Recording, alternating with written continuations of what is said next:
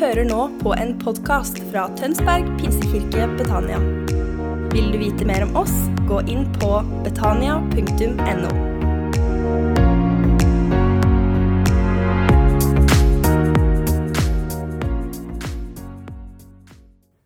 For en gjeng.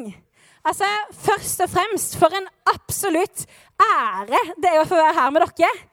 Jeg har gleda meg, jeg har svetta, jeg har trent som de gjør før OL. Altså, Jeg har bare drukket proteinkjeks nå i fire uker for å gjøre meg klar til å stå her og være her med dere. Eh, og jeg er utrolig, utrolig glad for å få være her. Dere, jeg håper dere vet òg hvor utrolig heldige dere er her i kirka som har Karl Einar som ungdomspastor. Altså Det går myter i Europa om Karl Einar. Eh, han er en fantastisk dyktig leder og bra fyr. Hver gang jeg sitter med han og prater, så får jeg lyst til å ta notater. ikke sant? For han bare sier så mye gull. Eh, og ikke minst Livis, kona hans. Hun er jeg må si det, det har jeg ikke sagt til hus, så det blir litt sånn utprega kleint for meg. Men hun er så pen og kul at det blir sånn, jeg blir sånn starstruck når jeg ser på henne. altså, for et team og for et lederteam som er her. Det er så utrolig, utrolig kult. Så det er gøy for å være her og lære med dere. Eh, men hvis jeg ikke har hilst på deg ennå, så heter jeg Cornelia Lingås. Jeg pleide å hete Cornelia Bregård. Og så gifta jeg meg i sommer, og nå heter jeg Cornelia Lingås. Og jeg sier det fordi det slo meg her om dagen at en dag kommer ingen til å vite hvem Cornelia Bregård var. Skjønner du hva jeg mener? Nei, nei, men tenk på det. Hvis du googler Cornelia Lingås, så kommer ingenting jeg har gjort før jeg gifta meg opp. ikke sant? Ingenting. Jeg blir bare utsletta fram til jeg var 24 og gifta meg. Så jeg trenger at dere vet at Cornelia Lingås nå Veldig fint, men det har vært en Cornelia Breger, dere. Oh, wow, wow, wow. For ei dame. Am I right, ladies? Men, og jeg er ungdomspastor oppe i Charge i Philadelphia Ålesund. Med, hvis dere lurer på hvem jeg er, så er det vi som skal slå dere i Bykampen på U-festivalen i år. Eh, jo. Kom an, da. Altså, og det blir veldig fint for oss, og vi skal jo klappe for innsatsen deres. Til og med når dere suger. OK? Men det har lært meg som å være ungdomspastor, det er at jeg alltid er litt for treig til å hive meg på trendene. ok? Jeg er alltid bare sånn hårstrå for sein til å oppdage det kule, samtidig som det kule gjør det. Men jeg fant TikTok her om dagen.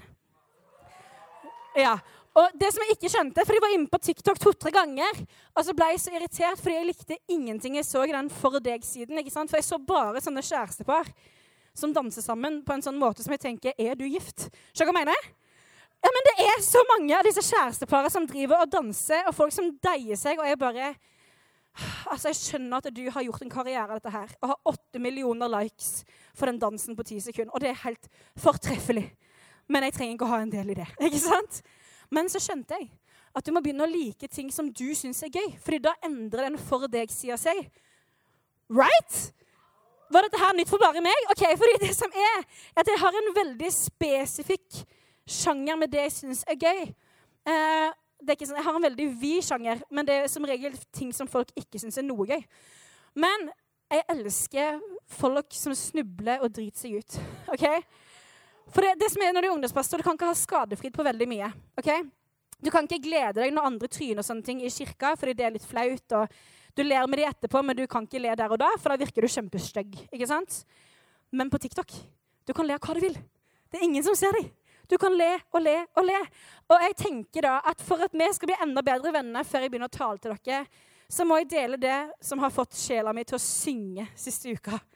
Og det er et klipp som jeg tror er veldig gammelt, men som perfekt understreker min humor og hva jeg syns vi alle skal prøve å strekke oss etter å være. Får vi den på skjerm?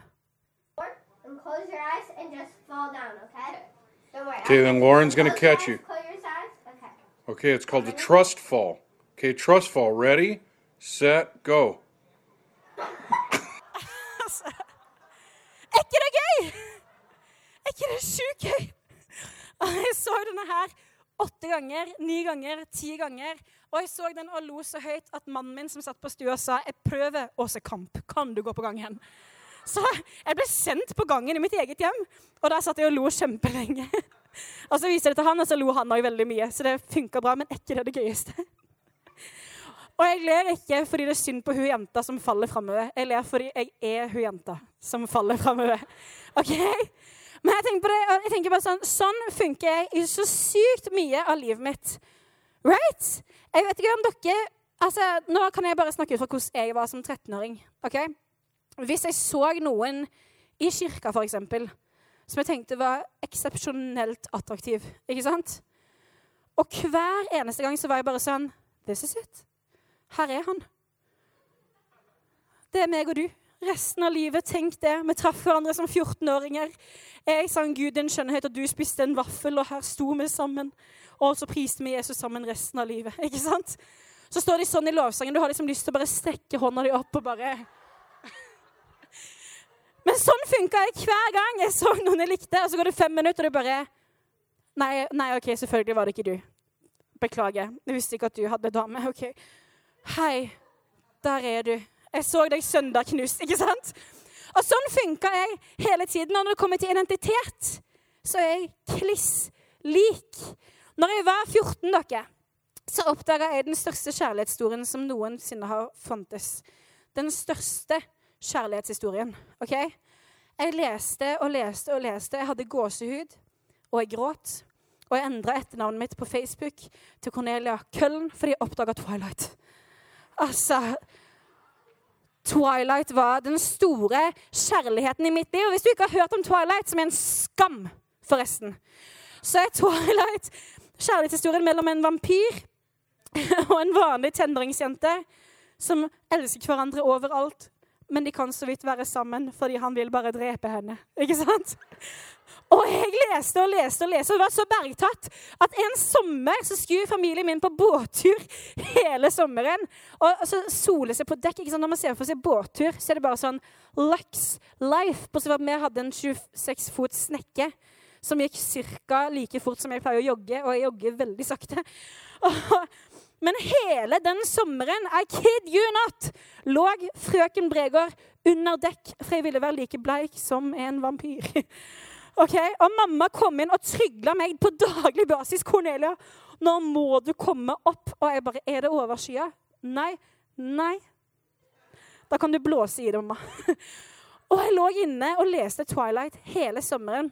Og så kom jeg tilbake på skolen, og de mente å være hyggelige når de sa til meg 'Å, så brun du har blitt i sommer.' Og jeg bare Din dust. Ikke sant?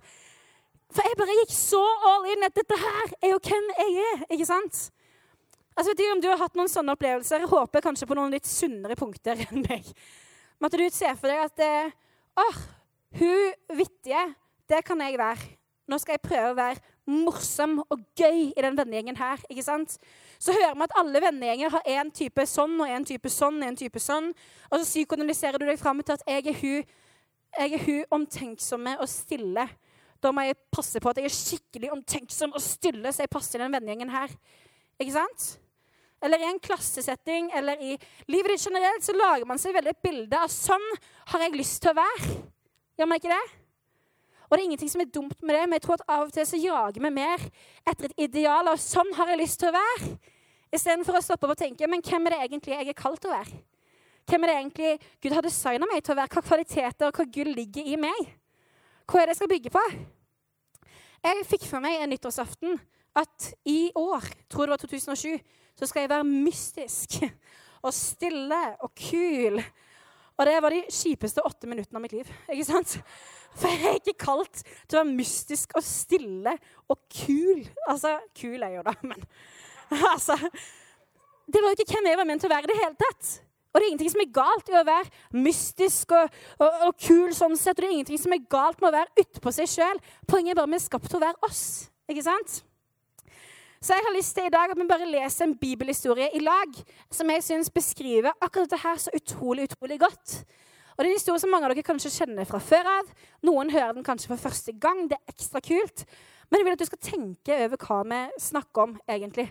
Fordi jeg tror at vi har en tendens til å lese litt i Bibelen og være litt sånn Og så delte Jesus et hav.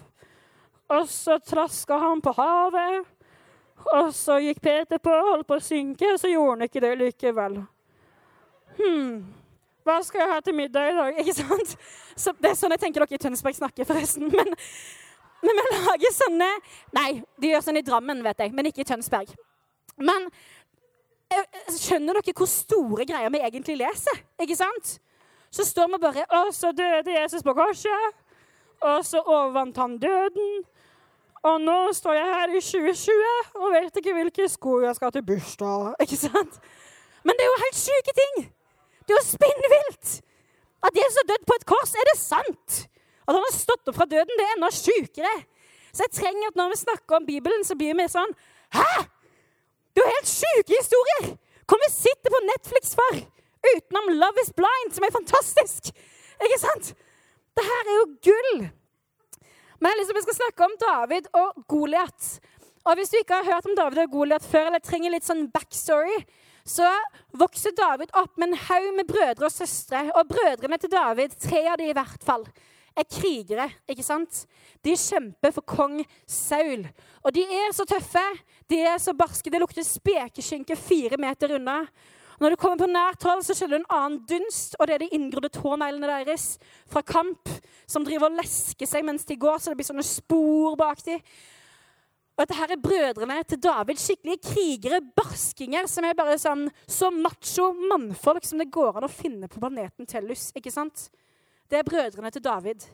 Og så Hvis du bare zoomer liksom litt ned i søskenflokken, så ser du David.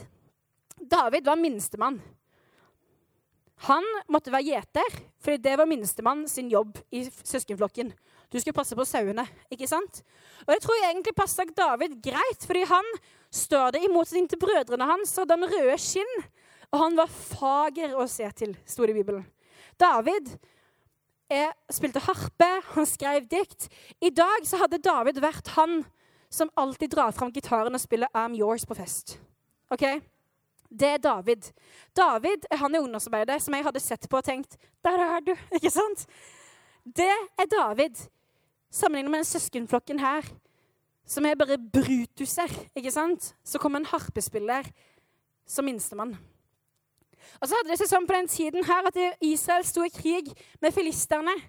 Så borti en dal et eller annet sted så var det sånn at Israels folket sto på én side av dalen, og på den andre siden sto filisterne.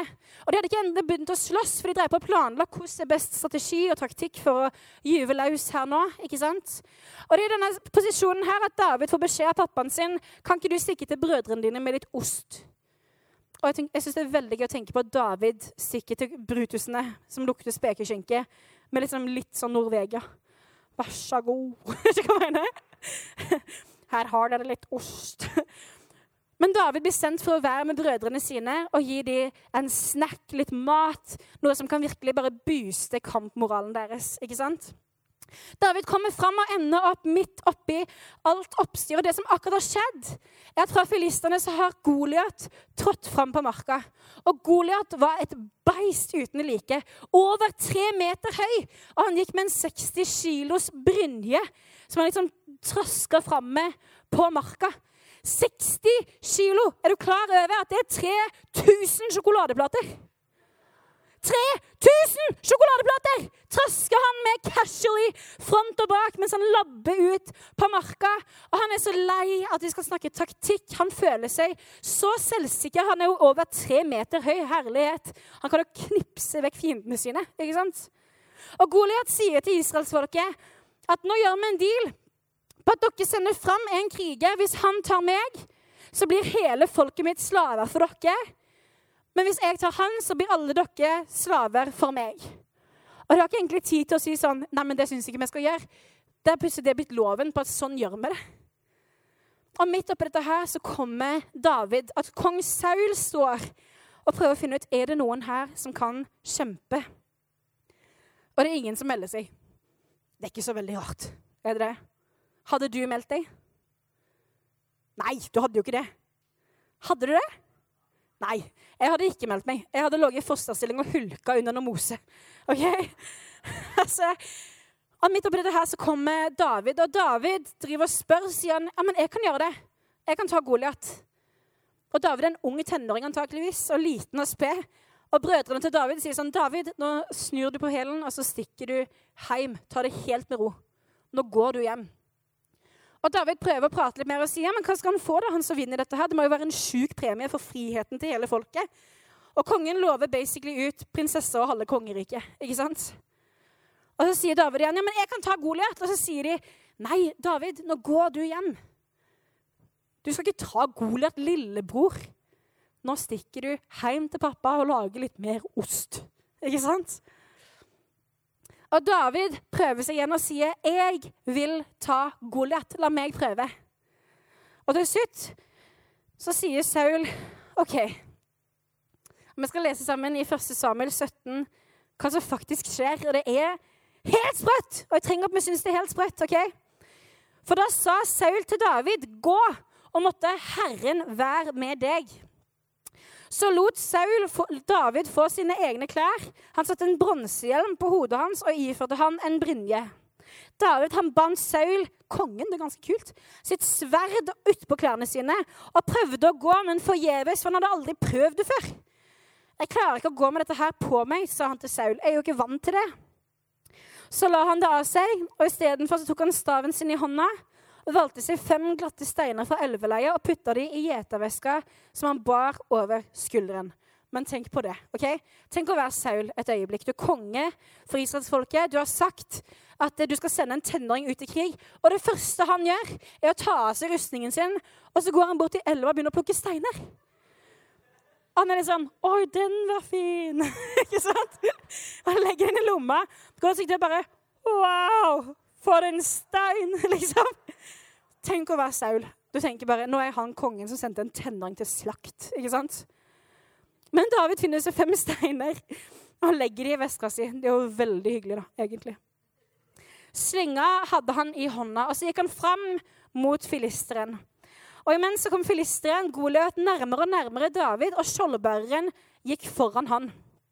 Da filisteren så framfor seg og fikk øye på David, så fnyste han. Få høre deg fnyse. Ikke sant? Nå snurrer jeg.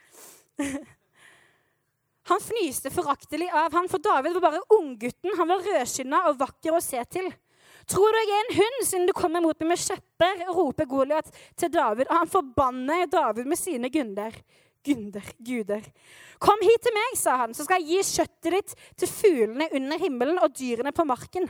Ok, men hva er det for noe å si? Kom her, da, så skal jeg gi kjøttet ditt til fugler. Herlighet! For en fyr! Og David svarte, 'Du kommer mot meg med sverd og spyd og sabel, men jeg kommer mot deg i navnet til Herren over herskerne, han som er Gud for Israels hær, han som du har hånt. I dag vil Herren gi deg i min hånd. Jeg skal slå deg i hjel og hugge hodet av deg. Men hva er det for noe, sier David. Ikke sant? Liket ditt og likene fra filisterherren skal jeg i dag gi til fuglene under himmelen og til villdyrene på jorda. Vi er på ungdomsmøte, er vi ikke det? så skal hele jorden forstå at Israel har en gud. Alt dette folket som er samla, skal forstå at det er ikke med sverd og spyd at Gud gir seier. Han skal overgi dere i våre hender. Og da Goliat begynte å bevege seg mot David igjen, så sprang David raskt foran hæren for å møte ham. Han stakk hånda ned i veska, tok opp en stein, og den slynga han ut så den traff Goliat i pannen. Steinen gikk dypt inn i pannen hans, og han stupte ned med ansiktet mot jorda. Sånn vant David over Goliat med slynge og stein. Han felte filisteren, slo han i hjel, enda han ikke hadde noe sverd i hånden. Han sprang bort da filisteren tok sverdet hans, dro det ut av slira og drepte han. What? Hæ?! Tenåringen tok tre meters Goliat med 3000 sjokoladeplater på seg! Hæ?! Med noen steiner som han hadde funnet i bekken. Hæ?! Er ikke det sjukt? Er ikke det helt spinnvilt? Og jeg tenker Det er tre kjempeviktige ting som vi lærer av David og Goliat. Okay? For vi ikke bare komme her og lese om halshogging og kjøtt til fugler og sånne ting. Det er litt sånn kleint. Så jeg tenker vi lærer tre gode ting fra David og Goliat. Er dere klare for det? Det første jeg syns er så utrolig viktig, er at du er ikke en refleksjon av de som ikke elsker deg, men du er en refleksjon av de som gjør det. Du er ikke en refleksjon av de som ser på deg og sier dette her klarer du ikke. Av de som ser på deg og sier dette her er ikke du god nok til, dette her er ikke du fin nok til, dette her klarer ikke du. Dette kommer du aldri til å oppnå. Du er ikke en refleksjon av de som velger å ikke heie på deg og elske deg sånn som du fortjener. Men du er en refleksjon av han som valgte å gi livet sitt for deg. Du er en refleksjon av at Jesus så deg lenge før du kunne velge å elske ham og sa 'Jeg vil gi livet mitt for at dette mennesket her skal få lov til å ha frihet'. Jeg har framtid og håp for det mennesket her. Og kanskje sitter du her inne og tenker dette her angår ikke meg. Jo, for du har puls. Du sitter jo her. Du fins jo. Tanken om deg fins, det betyr at det er en Gud som elsker deg så høyt at ikke engang døden kunne skille han fra deg. David blir møtt, og det første som møter David, er brødrene hans, som kanskje har gode Jeg håper de har en god intensjon med at de sier 'David, nå går du hjem'. Hadde lillesøstera mi kommet og sagt nå skal jeg bare ut og kjempe med en tre meters kjempe utpå her, så jeg sa Kristiane, nå snur du og trasker rolig hjem til Krokstadelva. Ikke sant? De mener det godt, men de ser ikke potensialet som er i David. De ser ikke hvem som har sendt David. De skjønner ikke at det David skal være med å gjøre, det skal frigjøre hele folket deres. De greide ikke å se det, men David kunne ikke velge. Han kunne velge og si ok, men da hører jeg på dere, storebrødre. Så snur jeg og går hjem fordi dere kjenner meg og vet at dere bryr dere om meg. Han sa jeg vet at Gud har sendt meg. Jeg vet at Gud har lagt denne drømmen her på hjertet mitt. Gud har lagt denne motivasjonen og kunnskapen her, så jeg klarer å ta Goliat. Jeg vet at dette her er noe Gud vil at jeg skal gjøre. Og så gjør han det. Tenk så kjedelig hvis David hadde snudd. Det hadde bare vært enda et sånn blodbad på en eller annen dal i Israel. Men nei, David stolte på at Gud, som elsker meg, har sendt meg med en hensikt for å gjøre dette her. Han visste at han var ikke en refleksjon av de som ikke skjønte kallet hans, eller skjønte hvem han var kalt til å være. Han var en refleksjon av Gud som hadde gitt ham det kallet. Det står at den som er skapt i Kristus, er en ny skapning. Den som er i Kristus, den som velger å tro på Gud og stole på Han, er en ny skapning. Det handler ikke om hva du har gjort før, eller hvordan du føler deg den dagen, eller hva andre mennesker sier om hvor flink du er. For sannheten er at hvis du får en elefant og en ape til å klatre i et tre for å se hvem som er smartest, så blir det veldig kjipt for den elefanten. Ikke sant? Du er skapt til å være du. Gud har gitt deg et kall fordi du er du, og selv om ikke du ser ut som du kan ta en kjempe i den situasjonen du står i, så har Gud lagt noe i deg. Han har lovd å være med deg. Og når du tror på Jesus, så er du en ny skapning.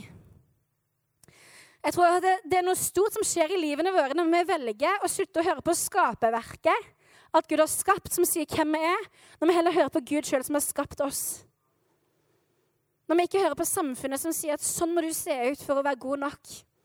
Sånn må du prestere på skolen for å være flink nok. Sånn må du oppføre deg for å få flest venner. Sånn må du danse på TikTok for å få flest likes. Det er ikke det det handler om i det hele tatt. Det handler om at du er god nok fordi du fins. Fordi Gud elsker deg. Du er ikke en refleksjon av de som ikke elsker deg, men de som gjør det.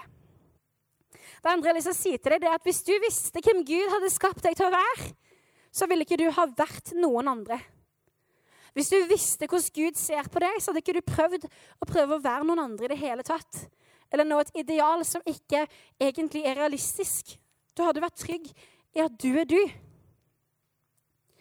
De prøvde å gi David en rustning som ikke var ment for han. ikke sant? De stappa på han en rustning som var til og med kongen sin. Så det var ikke noe juggel eller noe sånn billig skvip. De tok på han kongens rustning, ikke sant? Kongen sitt sverd om livet, som garantert var det mest fancy sverdet vi kunne finne i altså, mange mils omkrets. De ga David det beste av det beste som de hadde, men David var ikke skapt for å gå med det. David skulle ta Goliat, men det skulle, ikke se ut på den måten som det så ut for de hodene deres. ikke sant? De så for seg en krigerkonge som skulle komme og ta Goliat på samme måte som folket mange mange år senere så for seg en krigerkonge som skulle komme og hevne seg over dem. Så fikk de Jesus, som var en snekker og gikk rundt og var med barn og syke. Folk så for seg en forestilling av sånn må man være for å være en kriger. Sånn må man oppføre seg for å være en seirende mann. Sånn må man få lov til å være og se ut.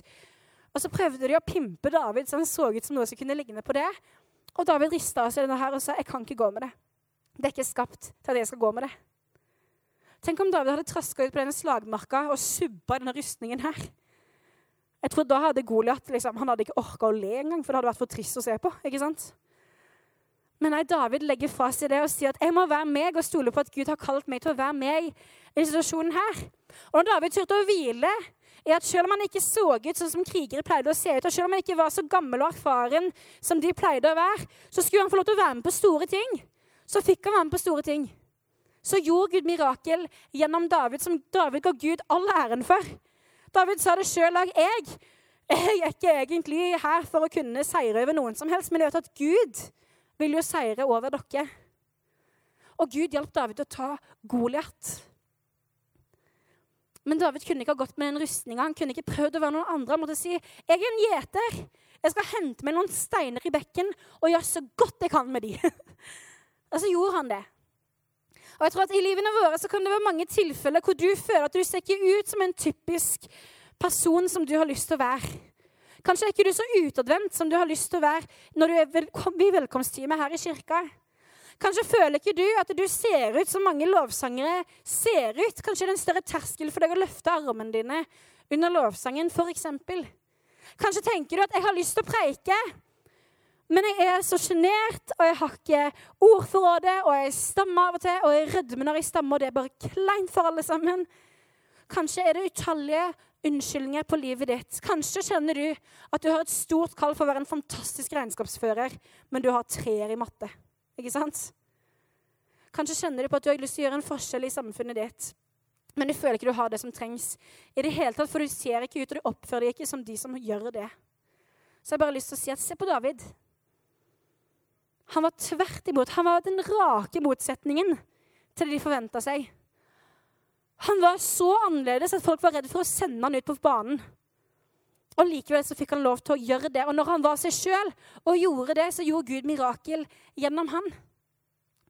Hvis du visste hvem Gud har skapt deg til å være, hvis du visste hvordan ditt kall kan se ut, hvis du visste hvordan livet ditt kan se ut, hvordan relasjonene dine kan se ut, hvordan du kan føle deg når du tenker på deg sjøl og ditt selvbilde hvis du visste potensialet Gud ser når han ser på hjertet ditt, så hadde ikke du prøvd å være noen andre. For det hadde ikke frista. Du er unik fordi du skal være helt unik. Altså, jeg har lyst til å si det at Hvis du står overfor press Kanskje har du tatt et standpunkt på at du har ikke lyst til å drikke, du har ikke lyst til å gjøre sånn og sånn. og sånn. Du har satt noen retningslinjer for livet ditt. Så det kan, kan det være veldig vanskelig å følge de hvis du hele tiden prøver å søke å være som alle andre. Du har lyst til å være gøyal på fest, men de som er gøyale på fest, de pleier å drikke, så det burde jo du drikke for å være gøyal på fest, ikke sant? Du har lyst til å være en god kjæreste, men de som ser ut til å være gode kjærester når man ser på TV, og sånne ting, de byder på kroppen sin opp og i mente og gir fra seg alt de har, fordi det er det gode kjærester gjør på TV. Så sånn må det jo være for meg. Og så tror ikke jeg det er sant. Jeg tror Gud har kalt deg til å være deg, og jeg tror du er kalt til å være annerledes inni den verdenen vi står i. Og jeg tror at hvis ikke du ser noen som er gøyale på fest fordi det er ingen som velger å ikke drikke, det er ingen som er gøyale som ikke drikker på fest, så kanskje er du kalt til å være den gøyale på fest som ikke drikker, og tar et standpunkt i det. Hvis du føler du ser på relasjonene dine, og du ser på din kjæreste og du ser på andre kjærestepar, og de velger å ha sex, og du ser på de og tenker men jeg ser ingen som velger å ikke ha sex, så da er det sikkert det en del av et godt kjæresteforhold. Kanskje skal du være med å modellere hvordan det ser ut å ha et godt kjæresteforhold uten å ha sex. Hvis du føler at du kan ikke være en gøyal venninne fordi alle de som er gøyale rundt deg, de driver og baksnakker for hverandre hele tiden, og det er sånn man får makt i en vennerelasjon, det må være med med gossip. Kanskje skal du være hun eller han som tar et standpunkt og sier jeg skal være en trygg og gøy og safe venn som ikke baksnakker eller saldrer, men heller løfter opp andre. Du er ikke kalt til å være som alle andre. Du er kalt til å være du. Og så siste punktet er her. Da kan lovsangstimen få lov til å komme opp og liksom sånn groove litt sånn rolig i bakgrunnen. Det siste jeg har lyst til å si til deg om David og Goliat, det er at det Goliat skulle bruke for å ta David, det ble det som David brukte for å ta Goliat. Har ikke tenkt på det? Goliat kommer mot David, og han har heva sverdet sitt og er klar for å ta David. Og så rekker han ikke det. Men det David bruker for å ta Goliat etterpå, det er akkurat det sverdet som Goliat hadde heva mot David. Og jeg vet ikke med deg, men jeg kan være litt personlig og si det at jeg ble mye mobba på barneskolen og ungdomsskolen. Fordi at jeg var litt større enn de andre jentene. Og mamma og pappa var musikklærere. Og de var veldig flinke musikklærere og veldig undervisende. Pappa kunne være ganske sånn konfronterende og streng. Og da var det lett for folk å snu seg og se på Da kan vi ta litt hevn for det på dattera Cornelia. Så gjennom barneskolen og videregående, nei, ungdomsskolen så var det mye kommentarer, og det var mye drittslenging.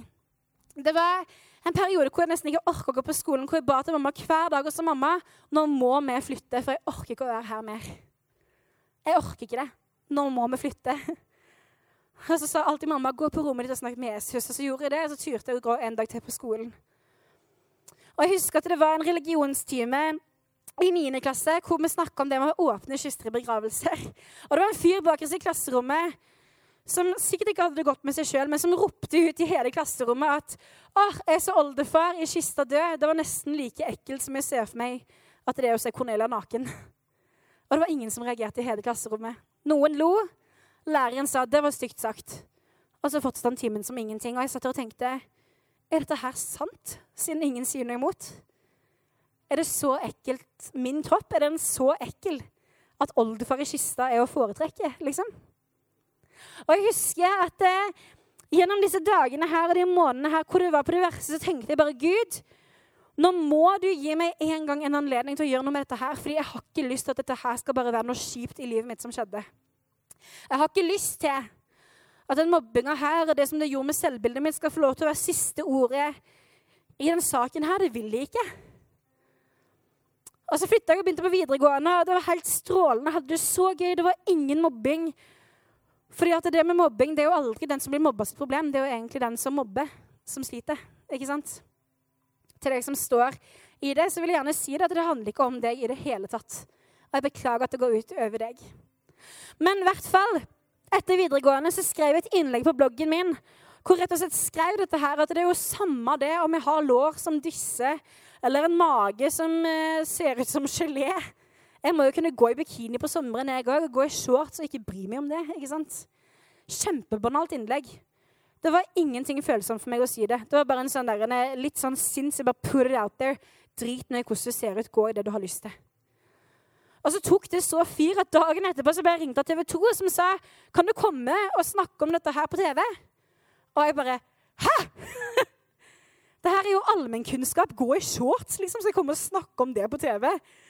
Gå i shorts, det kan du gjøre. Altså, så veldig rart. Men jeg tenkte det er dritkult, så jeg stakk på TV 2 og snakka om dette her. At folk måtte få gå i hva de ville, og at eh, man ikke skulle høre på mobbinga rundt seg og alt mulig sånt. Og til og med bare en dag etterpå, eller en måned etterpå, eller et år etterpå, så fant jeg fremdeles meldinger på Facebook fra både gutter og jenter og mødre på 50 og menn som var oppe i 30-40-årsalderen, som sa tusen takk. For jeg, visste, jeg turte ikke å gå i shorts genuint. Hadde pakka de ned. Og nå tør jeg det. Og jeg bare Gå i shorts? Det mest banale i verden, ikke sant? Og det ga de confidensen til å gjøre det. At noen sa du kan gå i shorts, du. Kjempefin er du. Så jeg sendte melding til alle disse 50 år gamle damene og sa supert, jeg tipper rumpa di er kjempefin i den dongerishortsen. ikke sant? Og så tenkte jeg det var upassende. Poenget mitt er at jeg ble så overvelda etterpå over at det som hadde fått makt over meg så lenge Ikke bare var det noe jeg kunne være med og endre på for noen enkeltmennesker, men det kosta meg ingenting å gjøre det. Det var ikke vondt. Gud hadde helbreda noe i meg, og så hadde han hørt bønnen min når jeg sa Gud, du ser det vanskelige jeg står oppi. Må det bli noe som jeg kan bruke til noe godt en dag? Og så gjorde han det. Han gjorde akkurat det. Ga meg den muligheten. Og så fikk jeg lov til å være med å påvirke noen sin sommer. Ikke sant?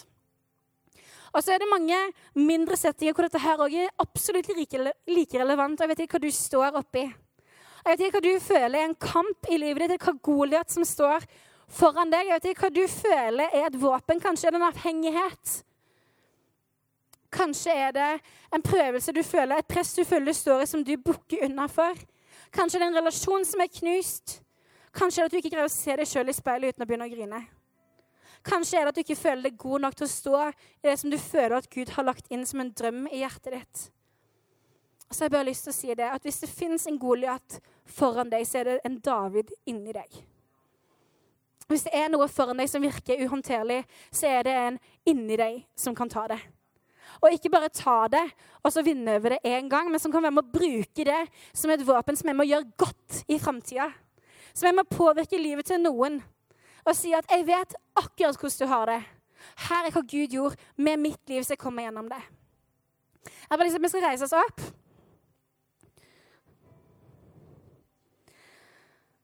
Og så vet jeg, I et sånt rom som dette her, så er det like mange personlige historier.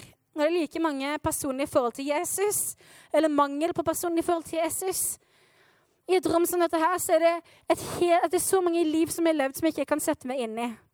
Og jeg aner ikke hva du har stått i. Du tipper du har stått i prøvelser som er mye vanskeligere enn de jeg har stått i.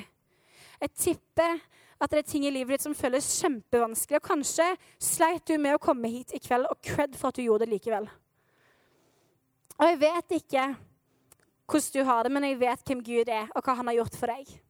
Jeg vet at uansett hvordan du føler du har brukt livet ditt så langt, så finnes det en Gud som har framtid og håp for deg. Ikke fordi at du er et sånt lite prosjekt han jobber litt med på sidelinja, men fordi han elsker deg. Og fordi at Motivasjonen til Gud og den perfekte kjærligheten som han både hadde for deg når han døde på korset og sto opp igjen fra de døde, men òg har i dag for deg, den kommer ikke til å endre seg for noe. Ikke for alle feila i hele verden, og ikke for alle tingene du klarer i hele livet ditt. Ingenting du gjør, verken positivt eller negativt, kan rokke med den kjærligheten Gud har for deg. Det er ikke noe prestasjonsstyrt. Det er ikke noe som velges ut fra hvordan du oppfører deg, hvordan du er i forhold til alle andre. Fordi Gud ser deg og han sier jeg vil ikke at du skal være alle andre. Jeg vil at du skal være du, og at du skal tørre å søke meg. David hadde skrevet så mange dikt og salmer. Han skrev masse salmer hele livet sitt, men jeg tror genuint at det starta når han var der og kjeda seg med sauene. ikke sant? At han tenkte på Gud og ba til Gud og sa, 'Gud, hva er det du har for livet mitt?' Når David kom fram til kampen, så visste han allerede at han kunne ta Goliat. Fordi Gud som var med, han var større enn alt annet på hele jorda. Og Kanskje står du her og du trenger å bare ta et øyeblikk og si, 'Gud, jeg vil legge vekk alle de negative tingene jeg tenker om meg sjøl.' Jeg vil legge vekk alle løgnene jeg har pådratt meg sjøl om hvem jeg er. Jeg vil legge vekk all skammen jeg bærer fra tidligere feil. Alle tingene jeg ikke føler jeg får til, all stoltheten jeg har. Og så vil jeg søke deg og spørre Gud, hva er det du har for mitt liv? Hvor er det du tenker at jeg kan få lov til å gjøre en forskjell i verden? Hva kjempe foran meg vil du være med å gi andre frihet gjennom en dag?